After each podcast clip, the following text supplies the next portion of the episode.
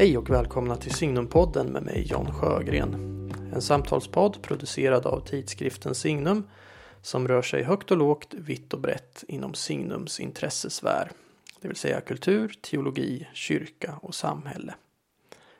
I detta avsnitt gästas podden av ytterligare en internationell gäst, nämligen Patrick Denin. Denin är professor i statsvetenskap vid University of Notre Dame i USA och har skrivit den uppmärksammade boken Why Liberalism Failed som har väckt mycket debatt i hemlandet och som nu är på väg att översättas till en rad europeiska språk. I boken för Denin ett lika enkelt som snyggt resonemang. Liberalismen har misslyckats för att den har lyckats. Den tidigare presidenten Barack Obama har sagt om boken att den erbjuder övertygande insikter om den förlust av mening och gemenskap som många i västvärlden upplever idag. Problem som de liberala demokratierna ignorerar på egen risk. Denin besökte för en tid sedan Sverige för en konferens vid Teologiska högskolan i Stockholm. Jag fick då möjlighet att träffa honom för att göra en intervju för Svenska Dagbladet men passade också på att göra den här inspelningen. Samtalet är inspelat i en ganska stimmig hotellobby i Stockholm och ljudkvaliteten är inte den allra bästa men eh, hoppas ni ska kunna ha överseende med detta och ändå finna samtalet intressant.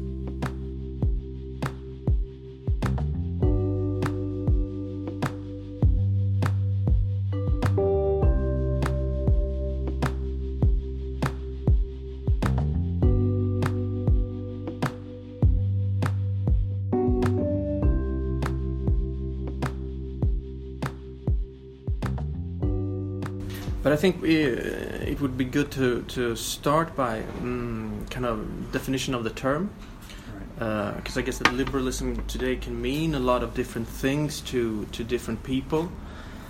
Uh, we have classical liberalism, uh, more modern progressive progressive yeah. liberalism, thick or thin liberalism, and, and, so forth. So, what kind of liberalism are, are you talking right. about in your book? Well, in, you know, in fact, I want to suggest that. Uh, um, many of these uh, these types or differences within liberalism in some ways mask a kind of fundamental similarity. And there's a reason why they're all called liberalism. They're all concerned with uh, securing the modern idea of liberty, which is uh, uh defined as the absence of external constraint upon my liberty. Mm-hmm.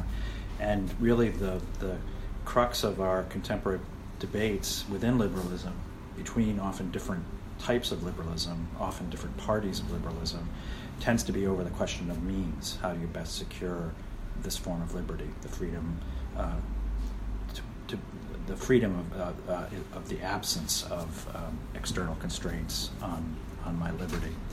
Uh, and the, the way in which that's articulated, especially in the classical liberal tradition or in the American context, the conservative liberal uh, mm-hmm uh, tradition is to argue that the best means for securing that liberty is through a fairly unregulated market uh, and a fairly small, um, small, relatively less active state. Hmm. Uh, uh on the uh, sort of progressive liberal, or in the American context, political left, uh, social liberalism or social democracy, the argument is in some ways that the best way to secure our liberty is through the assistance of the state, and in particular that the state provides the kinds of um, the, the kinds of uh, uh, goods of life, um, uh, the necessities of life uh, that can't be often secured by an individual alone, or at least not equally, mm. and therefore that one is best positioned to pursue one's life of liberty uh, through the assistance of the state. Yeah. Part of the argument in my book is that, in a way, both of these projects kind of end up reinforcing each other, and that what we increasingly get is uh, um, a liberal, let's say, a liberal global order that's simultaneously both um, fundamentally driven by the forces of the market and the state working sort of mm. hand in hand together, both of them seeking the creation of the liberated self. And in many mm. ways, I think that's, uh, that's where we are today, that we have an order that, in, that drives toward a global marketplace um, provisions uh, to some extent, greater or lesser extent, provisions its people to be players in that global marketplace. but increasingly leaves a, a, growing number of citizens feeling as if they no longer control either the state or the market. Mm-hmm. Uh, so this condition of liberty ends up being one that they experience as a kind of confinement, and mm-hmm. I think that helps to explain some of the currents in our contemporary politics. Yeah, sure.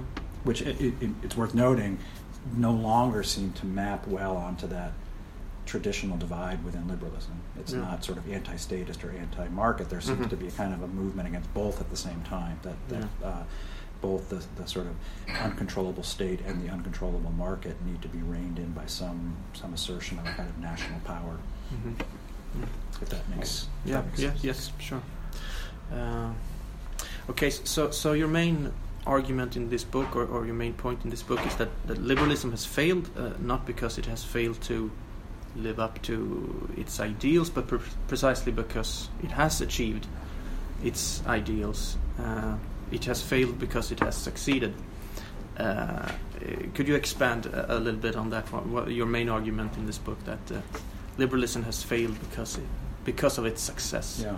Well, I, I guess in some ways I already anticipated uh, the answer yeah. uh, to that question. That um, I think for a long time uh, it was viewed within the liberal order that any failings within liberalism were al- always solvable by the, ex- the extension and, and, application of more liberal principles. Mm-hmm. Uh, so, if people weren't experiencing sufficient degrees of, of, individual liberty, one would simply supply those conditions, whether again it was through sort of the securing of the marketplace or the application of social policy.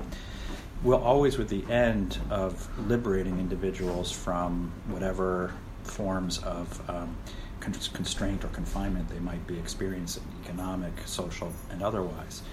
And uh, in some ways, I think we've reached a point where that project has been so successful uh, that we're seeing, in some ways, its fruits, which is a which is a populace that's uh, increasingly defined by a kind of um, um, a, a, kind of radicalized atomization, uh, uh real um, social atomization, in which um, we have been seems to be in many ways successfully liberated from each other and now no longer really have the resources for the provision of the goods of human life that sort of go beyond the material goods, the satisfactions that come from our, our relationality, um, our capacity for friendship, uh, for family, uh, for community, and so forth. Lots of social science measures shows that we're really suffering in those areas, and so it's the very thing we've been very good at uh, that that reveals what, in many ways, uh, those consequences that uh, we're not very good at, um, at, at, solving at this point. Mm-hmm. Uh, okay, so, so I can I guess one critique it could be if you if we try to defend liberalism. there have been many efforts. Yeah. uh, but, but, one might say then, but, but isn't liberal democracy or some sort of thin liberalism at least, or some sort of liberal, liberal political arrangement? Uh, isn't that the best thing available? Uh, to try to provide as much freedom to people as possible so they can seek the good in whatever way they, they see yeah. fit. Well, I, you know, I certainly think that's the story that liberals tell themselves, and that's, of course, uh, that's at the heart of the story of an earlier argument by Francis Fukuyama that um, mm. the ancient question of what's the best way to organize human society, right, one that's been debated over centuries, mm. going all the way back to Plato or the Bible, etc. Mm. Uh, that finally human beings had solved that question. Uh, that like like uh, um, Fermat's last theorem, the answer to this question had eluded human beings until the latter part of the 20th century when we finally figured out the answer to the question how to organize ourselves. Uh, I'm, I guess I'm a bit of a skeptic that hmm. um, that we've answered and resolved that question in a satisfactory way, and I and I take it that in some ways the contemporary crisis of liberalism is in part being revealed because, uh, in some ways, liberalism no longer has an external competitor. I mean, maybe China is out there on the horizon, mm. and so its own internal um, deficits are, are, in many ways, are being revealed in ways that weren't as obvious when it was fighting fascism and hmm. communism. In other words, it's, it, its failings are revealed most when it doesn't have those even worse forms yes, uh, of, of opposition. Mm-hmm.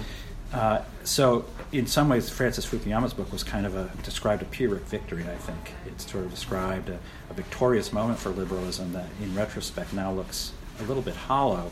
Now, from the, the, the vantage of 30 years, in which we can now look back and, and see even then the beginnings of a kind of process of disintegration that I think um, is has led us to to the moment now where you know we're, we're many of the countries of the West are now in kind of almost a, civil state of civil war uh, mm-hmm. over over the nature of what kind of polity they will be.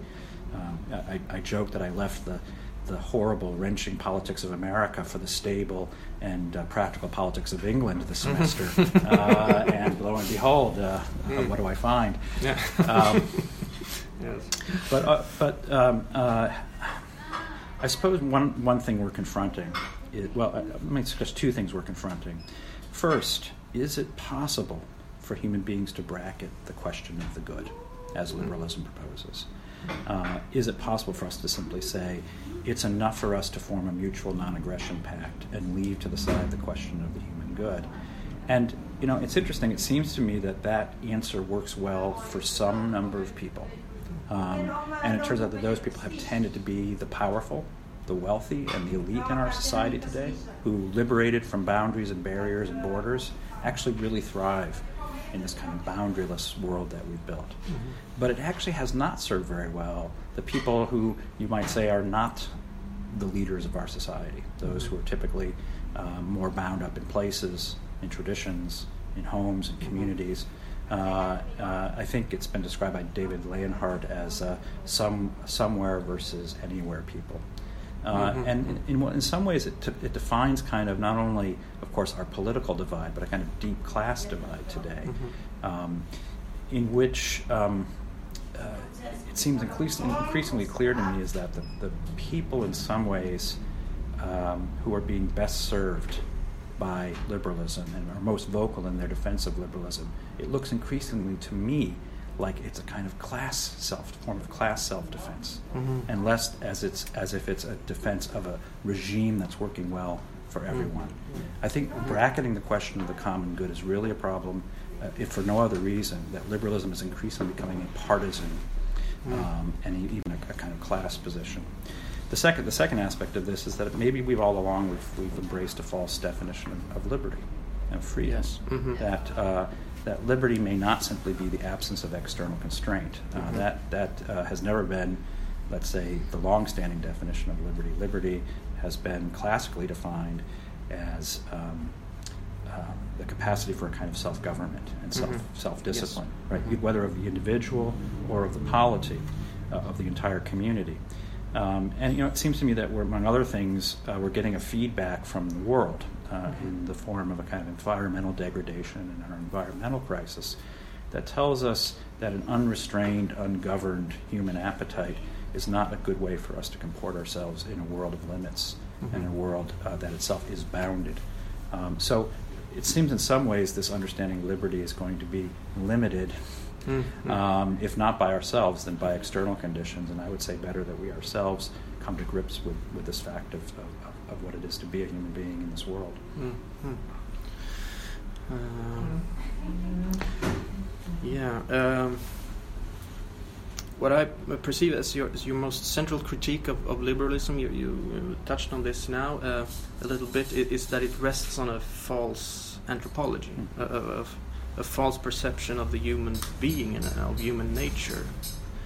Uh, Correct. Can you, yeah, can you expand a little bit on that? Um, well, I'll actually be talking about this a bit this afternoon um, in the conference uh, that I'm attending here in Sweden.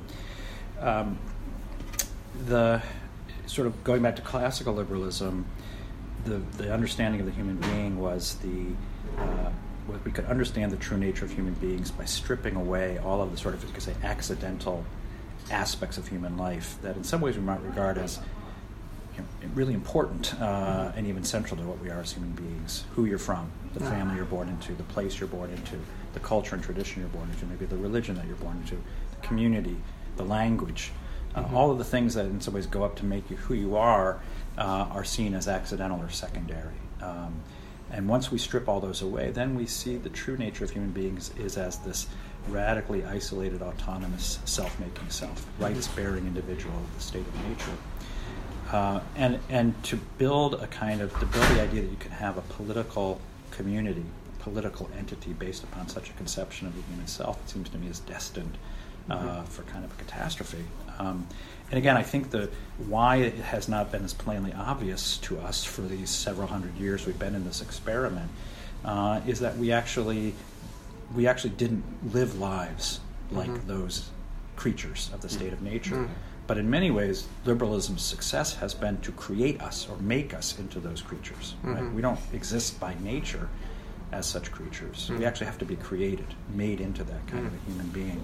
And the irony is that, and I think maybe Sweden is a good example of this, the irony is you actually need a fairly expansive state structure to Mhm. create this kind of human being. Exactly. Uh, and so, uh, again, the irony being that the, the very source of our liberation also, in many ways, becomes a, a great source of a kind of constraint. Um, uh, and certainly, um, uh, I, I think one could argue, um, uh, increasingly crowds out our capacity uh, to form um, the conditions of human flourishing that go beyond the material provision of certain goods that, that uh, in many ways require thick forms of relationality Mhm. that I think this, this realization of this individual in many ways uh, now curtails and prevents. Mhm, mhm.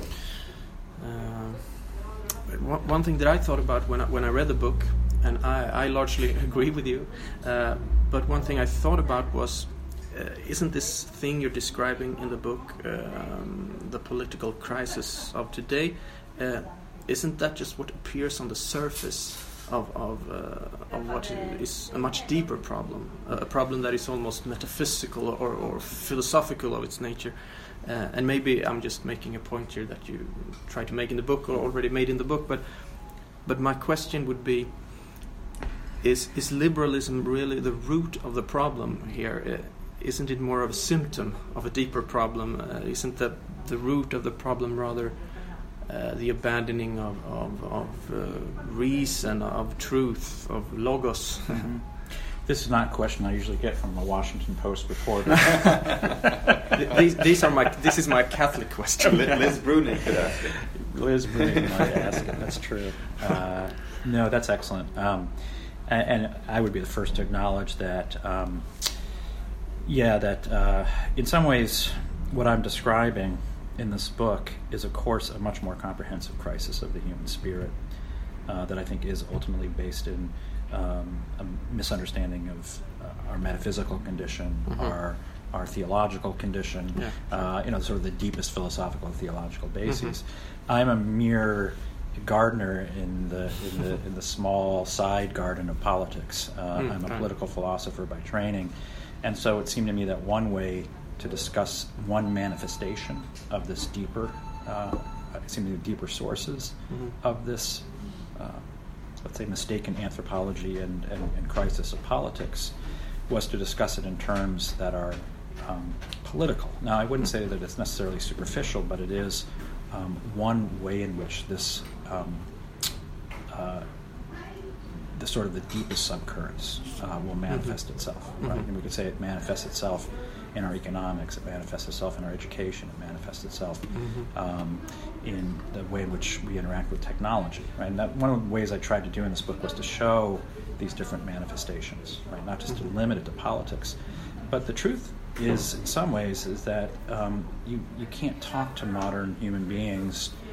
in terms of metaphysics and theology. Mhm. If you speak to them in terms of politics, Mhm. which is where so much of this ends up being, so much of this crisis ends up being manifested and visi- made visible, uh, it's actually now possible to begin to have those conversations about metaphysics and theology Mhm. in a way that it's perhaps not possible to sidle up to someone in a pub and start talking about uh, the misreading, modern misreading of Hegel. Yes. Uh, but if you start talking about politics and, Yeah. and the rise of populism, you can Mhm. actually get pretty deep pretty quickly. Mhm. Um, so, it, in some ways, it turns out um, that um, I think, to the extent that what we describe, what I'm describing as liberalism, is itself the effort to manifest certain kinds of theological, metaphysical assumptions within the political realm, to harness them, Yeah. then they're going to be particularly visible in that area. hmm No, I, I think that's that's right.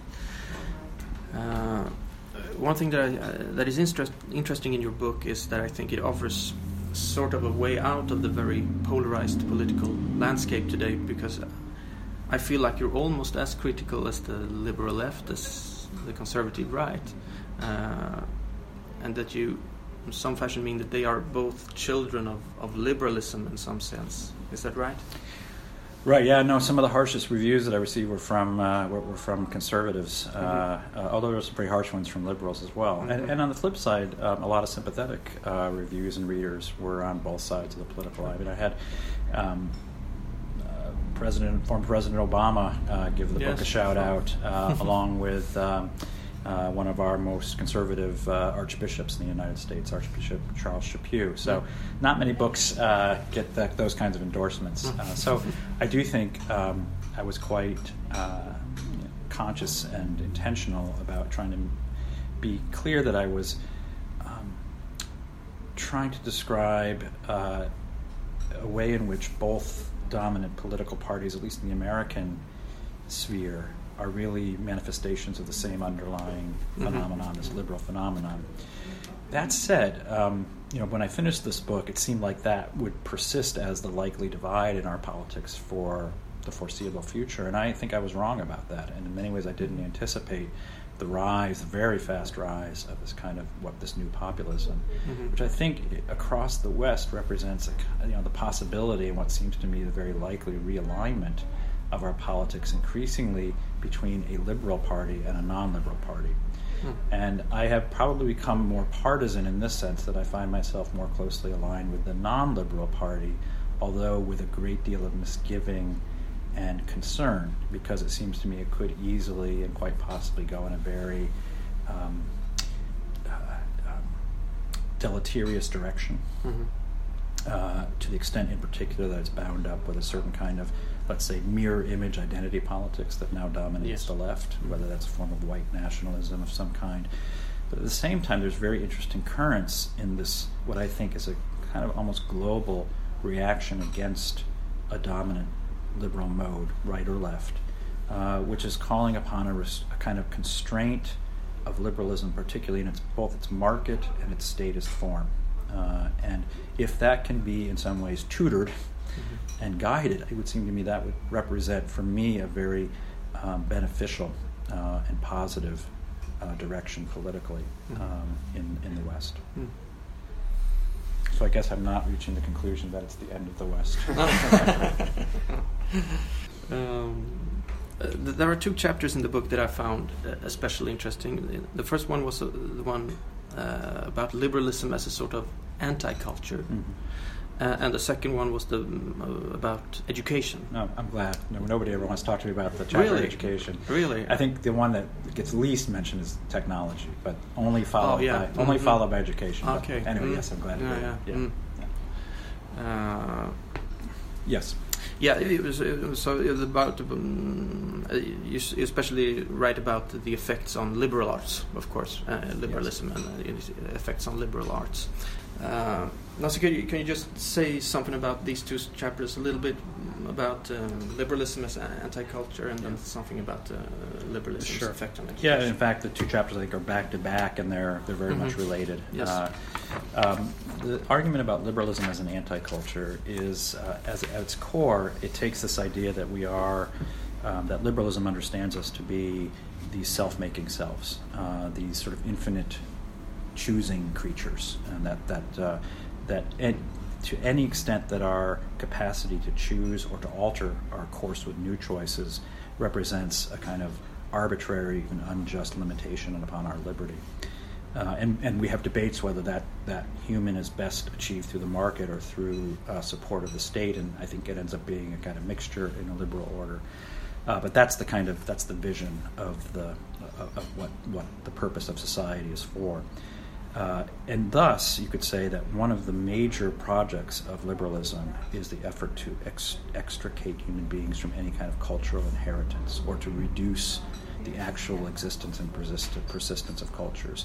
And this is largely done uh, through, let's say, indirect means. Um, uh, creating uh, and indeed fostering an ethos of mobility, um, fostering an ethos in which exit trumps loyalty, uh, in which uh, when you're confronted with a, a, an apparent limitation on your liberty, your first inclination is to exit that situation mm-hmm, mm-hmm. rather than to, in some ways, confront it, address it, um, perhaps challenge it.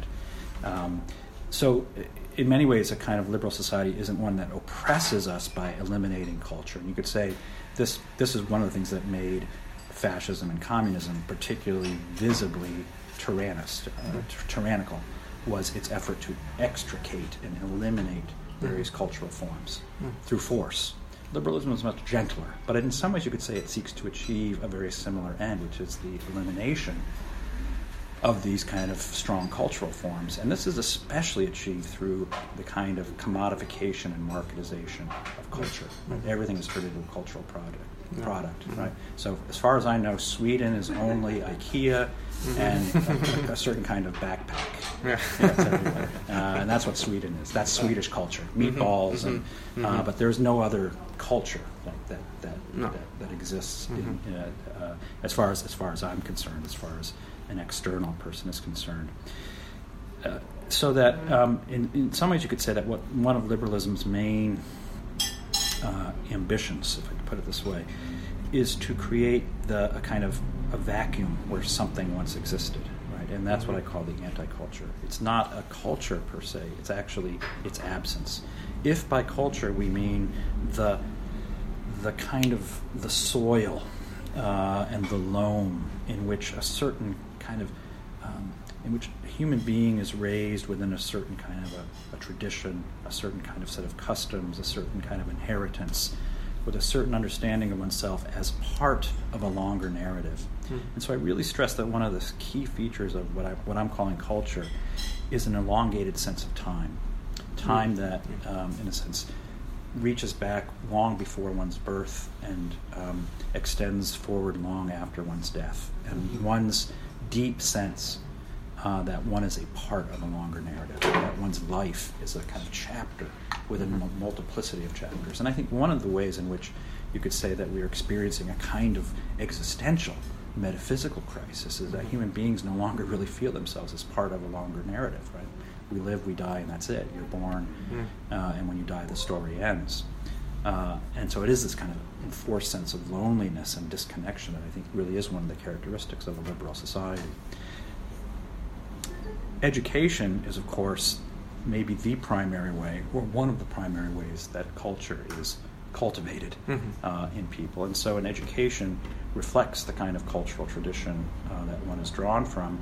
Um, the liberal arts tradition, certainly in England, the United States, um, I think within the the German gymnasium system, is a kind of was a long-standing effort to embed a people within a tradition in which, among other things, one learned what liberty was as a form of self-government and self-rule, and that to be a part of a culture was to be embedded in this um, education in, in the kind of uh, the tutoring of what it was to be a free person. Again, not something that was bo- one was born uh, as as a free person, but rather something one had to be cultivated to become.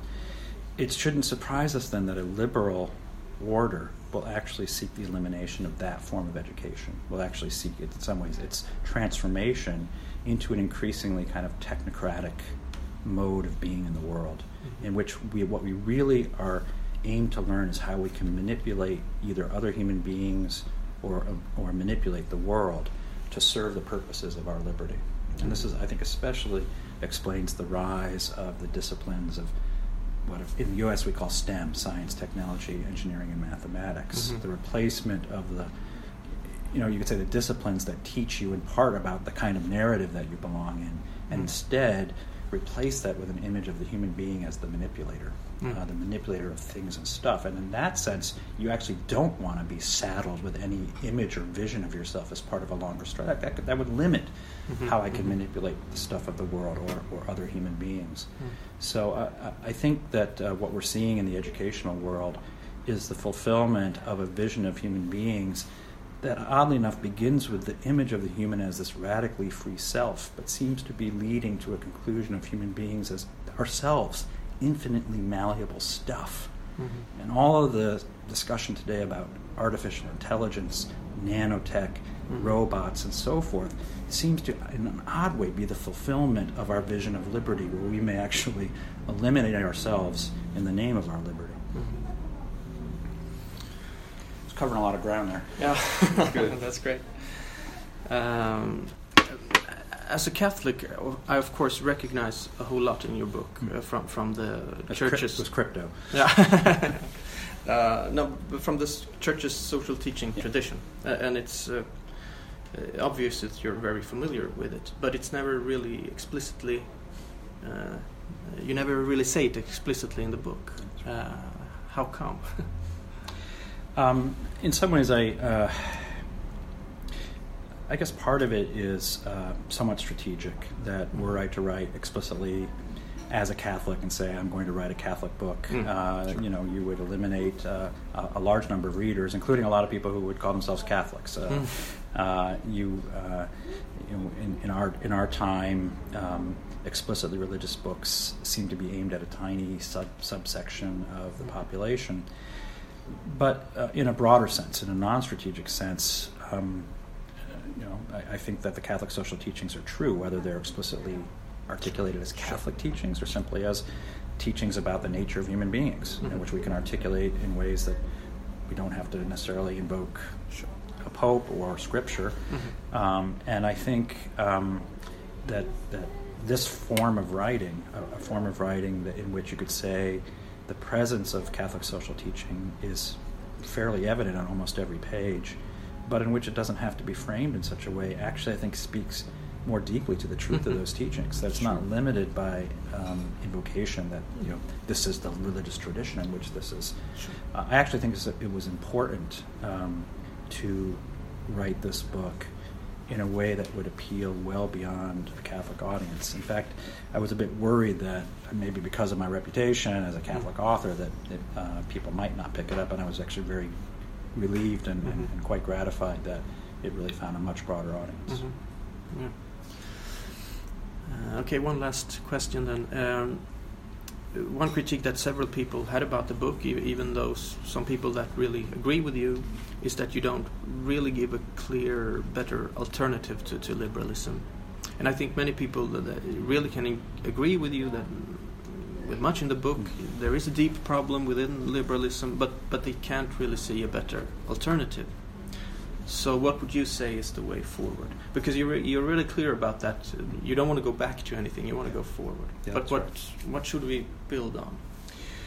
Well, again, at the time that I finished writing this book, um, in some ways, what I what I anticipated was a kind of ongoing, almost increasing imposition of an illiberal liberalism. You know, as as liberalism became uh, less viable politically, it would become more baldly um,